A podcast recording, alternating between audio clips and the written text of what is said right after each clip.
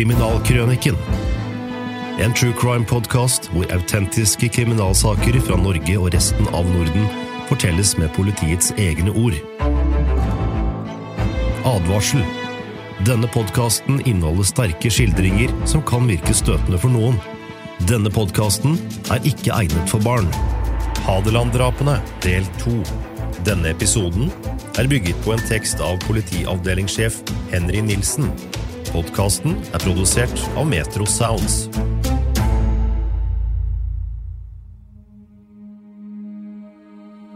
Dette skjedde tidligere. De tre unge mennene Svein, Arne og Ulf har ekstreme politiske synspunkter, og de deler en sterk interesse og fascinasjon for våpen. Sammen har de dannet en organisasjon de kaller Norges germanske armé. De tre får med seg to av Ulfs kamerater, Oddvar og Morten, på et tyveriraid av våpen og dynamitt, men frykter etter hvert at de to vil gå til politiet og tyste, blant annet om innbruddet i et av Heimevernets våpenlager. På et møte blir de enige om at Oddvar og Morten må ryddes av veien. De blir enige om å kjøre ofrene til et sted i skogen nær Sessvollmoen, hvor de tidligere har drevet med illegale skyteøvelser, og drepe dem der. I senere politiavhør har Ulf forklart seg inngående om det som skjedde på denne kjøreturen. Dette er hans historie.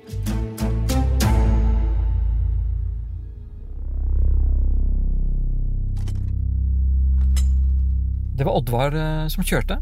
Han fikk beskjed om å kjøre mot Sestholmoen. Han valgte å ta motorveien eh, mot Jessheim, og på veien oppover så ble det snakk om hva vi skulle bruke pengene til. Det ble blant annet foreslått å dra til Kristiansand, feste opp pengene der. Jeg sa det var Arne som var mellommann, og at vi ville få 20 000 kroner hver for våpenet. Vi parkerte bilen på forskjellige parkeringsplasser underveis, best fordi møtetiden var eh, satt ved midnatt, og, og for å se om vi ble skygget, noe det senere viste seg at vi ble, da. Og ved Dal stasjon så tok vi til venstre mot Jessheim. Jeg kjente til et brukbart sted der fra tidligere, men husket ikke nøyaktig hvor det var. da. Etter ca. en times kjøring eller noe, så passerte vi en blindvei på venstre side. Først så kjørte vi forbi den og havnet nesten ut på Hadelandsveien. Jeg fant at vi måtte ha kjørt feil, så jeg ba Oddvar om å kjøre tilbake til den eh, blindveien. Oddvar gjorde som han ble fortalt, han, og like før en bro så ba jeg han om å stanse. Arne og jeg gikk ut av bilen, og så gikk vi på broen. Jeg hadde bedt de to andre om å bli sittende igjen i bilen, mens Arne og jeg undersøkte om det var riktig møtested. Vi gikk frem på broen, og så så vi at det var et hull i eh, isen på elva under. Det var rikelig med strøm der, så vi fant vel ut i fellesskap at det passet ypperlig for vår eh, hensikt. Det lå øde til skogen, og tidspunktet gjorde vel at vi neppe ble overrasket av folk. Arne ble stående igjen i skogen like før broen, mens jeg gikk tilbake til bilen for å få med meg Oddvar og Morten. Jeg fortalte dem at nå hadde vi kommet til rett sted, og, og ba dem om å bli med. Oddvar og Morten gikk foran meg bortover mot broen, og selv gikk jeg ca. to meter bak dem. Før vi nådde broen, trakk jeg fram pistolen min, som allerede hadde et skudd i kammeret, og gikk den langs siden. Det ble ikke sagt et ord. Når vi hadde kommet på høyde med Arne som står inne i skogen, så løfter jeg pistolen, peker mot bakhodet til Morten, og så fyrer jeg av. Jeg treffer han i hodet. Jeg retter så pistolen mot hodet til Oddvar og skyter ham på samme sted. Morten har falt ned på knærne, og jeg trodde ikke jeg hadde truffet ham. Men da ville jeg skyte ham på nytt, men pistolen kilte seg. I det samme så kommer Arne fram fra skogen og begynner å skyte på Morten. Det ble ikke sagt noe på det tidspunktet, jeg fikk orden på pistolen og siktet på nytt på Oddvar. Pistolen gikk da på helautomatisk, og samtlige skudd gikk inn i hodet og nakken hans. da. Vi ventet en liten stund etter skuddene og løp deretter bort til broen, hvor Arne satt fra seg skeismesteren, for å se etter et gunstig sted å kvitte oss med likene. Vi gikk tilbake, tok tak i Morten først og begynte å slepe han bort til broen. Vi forsøkte å lempe han over rekkverket uten at det lykkes. Vi lot han bare ligge, og så gikk vi over og slepte Morten så langt eh, over broen til at vi fikk plassert han i en grøft like ved elven. Under slepingen av likene så passet vi begge to på at vi ikke skulle få blod på oss, da. Det kom heller ikke mye blod på klærne våre, men eh, ganske mye på hanskene og støvlene. Jeg forsøkte å tørke det meste av blodet på klærne til de vi drepte, uten at det helt lyktes. Blodet på støvlene lot jeg bare være. Det var nå da vi hørte at Odd var begynt å stønne. Arne gikk bort til ham igjen, hevet skeismeiseren og fyrte en ladning i ryggen på ham. Etter det så blei det, ble det stille. Arne ga meg våpenet for at vi skulle løpe tilbake til bilen. Jeg bestemte meg i stedet for å tømme resten av skuddene i likene for å forvisse meg om at begge var døde. Vi begynte å få dårlig tid. Noen kunne hørt skuddene, så vi forlot stedet i all hast.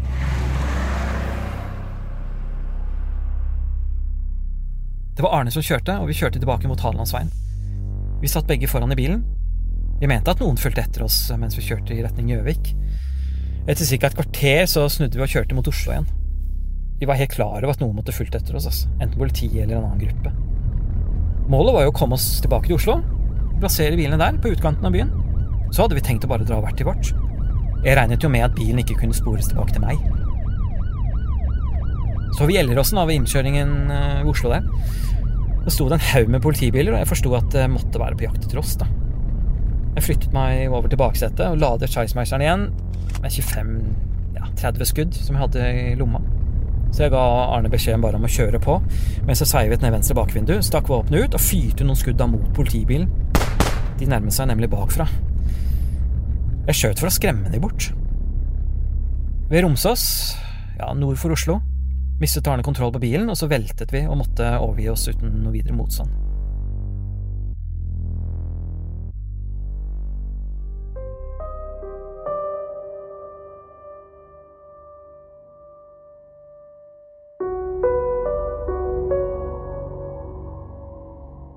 Den store spaningsstyrken som var satt på våpensaken, hadde vært i virksomhet fra torsdag til lørdag. De befant seg også i hælene på de fire under dødsferden til Hadeland. En bil med to politispanere lå på hjul, med Mazdaen inntil denne snudde og kjørte tilbake til stikkveien på Hadeland. Under denne manøveren tapte spanerne Mazdaen av syne en tid, og da de selv kom til stikkveien, var de i tvil om hvor den hadde tatt veien. Siden veien videre frem mot Dal var dekket av andre spanere, fant de det klokest å stanse opp og holde utkjørselen fra stikkveien under oppsikt. Hvis Mazdaen hadde tatt denne veien, måtte den før eller siden komme tilbake. Det var jo en blindvei.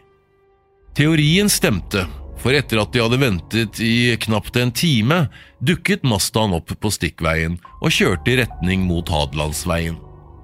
Men til spanernes forundring var det bare nå to menn i bilen. Det var mange tanker som for gjennom hodet på de to spanerne mens de fulgte Mazdaen, som etter å ha kommet ut på Hadelandsveien, kjørte i retning mot Gjøvik. De hadde under hele spaningsvirksomheten vært opptatt med å bli ledet fram til våpensamlingen. Det begynte å demre for dem at langt verre ting hadde skjedd.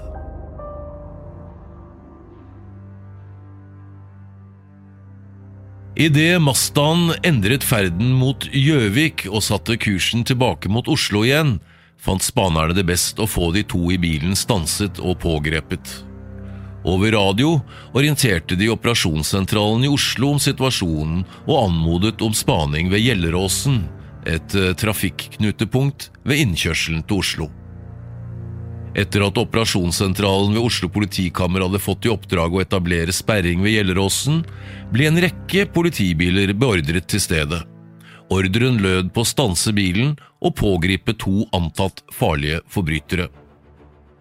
Men allerede mens politiet holdt på å arrangere sperringen, kom den ettersøkte Mazdaen og passerte i stor fart.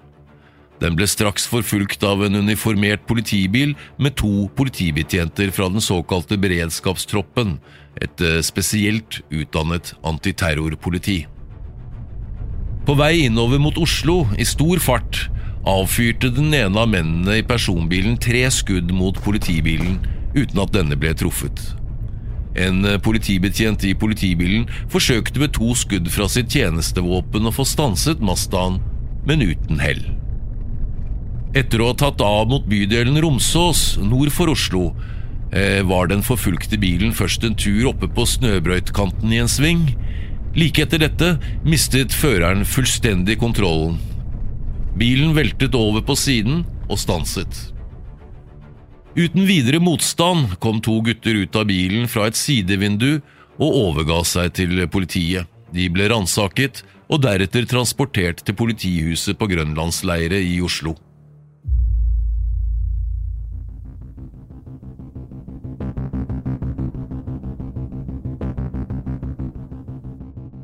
Under en foreløpig ransaking av fluktbilen ble det funnet en maskinpistol, en pistol og en rekke løse patroner. Magasinet satt ikke i maskinpistolen, men lå løst. I magasinet satt en patron, noe som tydet på at våpenet var skutt tomt, og at man var i ferd med å lade på ny da avkjøringen skjedde. Under transporten til politihuset forholdt Arne seg taus og virket nervøs. Ulf derimot virket kald og behersket, men desto mer meddelsom. Allerede i bilen ga han uttrykk for at politiet kunne dra til et nærmere bestemt sted i skogen på Hadeland, så ville de finne to drepte gutter. Vel inne på politihuset gjentok Ulf påstandene og utdypet dem ytterligere. Politifolkene stilte seg til å begynne med tvilende til Ulfs påstander men han tilbød seg å bli med politiet og påvise stedet. Sammen med tre politibetjenter dro Ulf allerede ved tretiden om natten tilbake til åstedet. Ulf ga hele tiden beskjed om hvor de skulle kjøre.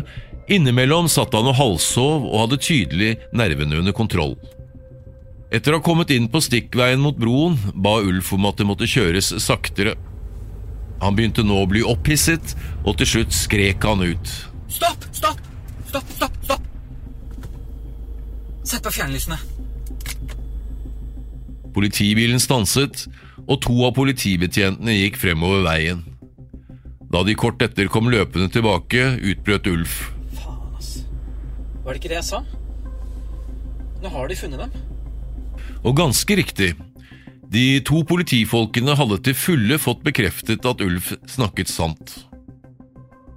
Det ble nå etablert sikringsvakt rundt åstedet, og laboratoriefolk og rettsmedisinere ble tilkalt.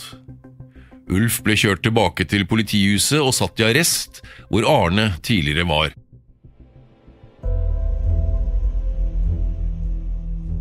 Allerede før politibilen kom tilbake fra Hadeland med Ulf, ble det sendt en mannsterk gruppe til Malmøya for å pågripe Svein og ransake bygningene. Svein oppholdt seg i annekset fullt påkledd. Han lukket selv opp for politiet. Senere sa han at dersom han hadde visst at det var politiet som kom, så ville han skutt seg ut. Det sto to ladde AG3-våpen klar i stuen. Politiet noterte seg at det var redd på tre senger i huset, noe som tydet på at han ventet de to andre i løpet av natten. Etter å ha kommet seg etter overraskelsen, fulgte Svein med politiet uten motstand. Det ble foretatt ransaking av både annekset og hovedbygningen. Alle våpen og dynamitten ble funnet der, foruten en rekke andre bevismaterialer. Svein benektet under hele etterforskningen å ha vært med på å planlegge drapene. Han bagatelliserte organisasjonen Norges germanske armé og sin rolle som dennes leder og innrømmet bare heleri av dynamitten og våpnene. Arne erkjente sin rolle under planleggingen og utførelsen av drapene. Han bekreftet også Sveins medvirkning. Han erkjente seg ikke skyldig i overlagt drap. Han hevdet at han egentlig ønsket å komme seg unna Svein og Ulfs påvirkning. Hans grunn til å bli med på turen til Hadeland var egentlig for å forhindre drapene. Når han under episoden på broen, etter at Ulf hadde skutt de to, selv grep til maskinpistolen og skjøt, var det bare for å gjøre slutt på lidelsene for de to. Ulf erkjente fullt og helt sin befatning med våpentyveriene, dynamittyveriene og drapene. Han forklarte seg også detaljert om Svein og Arne sine roller i det hele. Like før årsskiftet 1981-1982 slo han imidlertid helt om. Nå hevdet han at Svein aldri hadde vært med på planleggingen av drapene, og at det var et komplott fra hans og Arnes side at Svein var blitt dratt inn i dette. Dette skjedde etter at Ulf hadde hatt kontakt med en av Sveins pårørende og brevvekslet med denne. Tiltalen mot de tre gikk ut på overlagt drap for Ulf og Arnes vedkommende, og for Sveins del medvirkning til det samme. Ulf ble også tiltalt for en rekke andre forbrytelser, annet det store våpentyveriet. Rettssaken mot de tre startet i Eidsivating lagmannsrett den 4. februar 1982 og pågikk i 19 dager.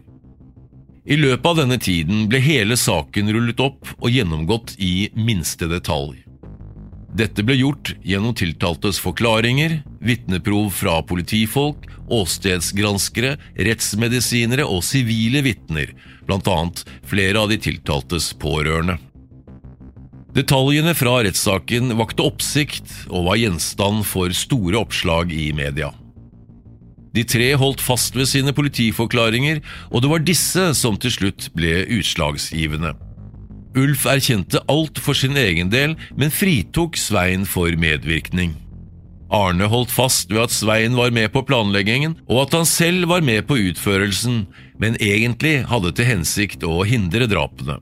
Svein fastholdt at han overhodet ikke var med på planleggingen. Etter at rettsforhandlingene var avsluttet, la aktor ned påstand om at de tre måtte dømmes etter tiltalen. Forsvarerne ba, hver for seg, om at de tiltalte måtte dømmes i henhold til sine forklaringer. Det rådde en fortettet, spent atmosfære i lagmannsrettens lokale fredag 23. januar. Pressefolk, pårørende og engasjerte publikummere ventet i stor spenning på juryens avgjørelse i skyldspørsmålet. Etter to og en halv times overlegning i lukket rom kom endelig lagretten tilbake til rettslokalet.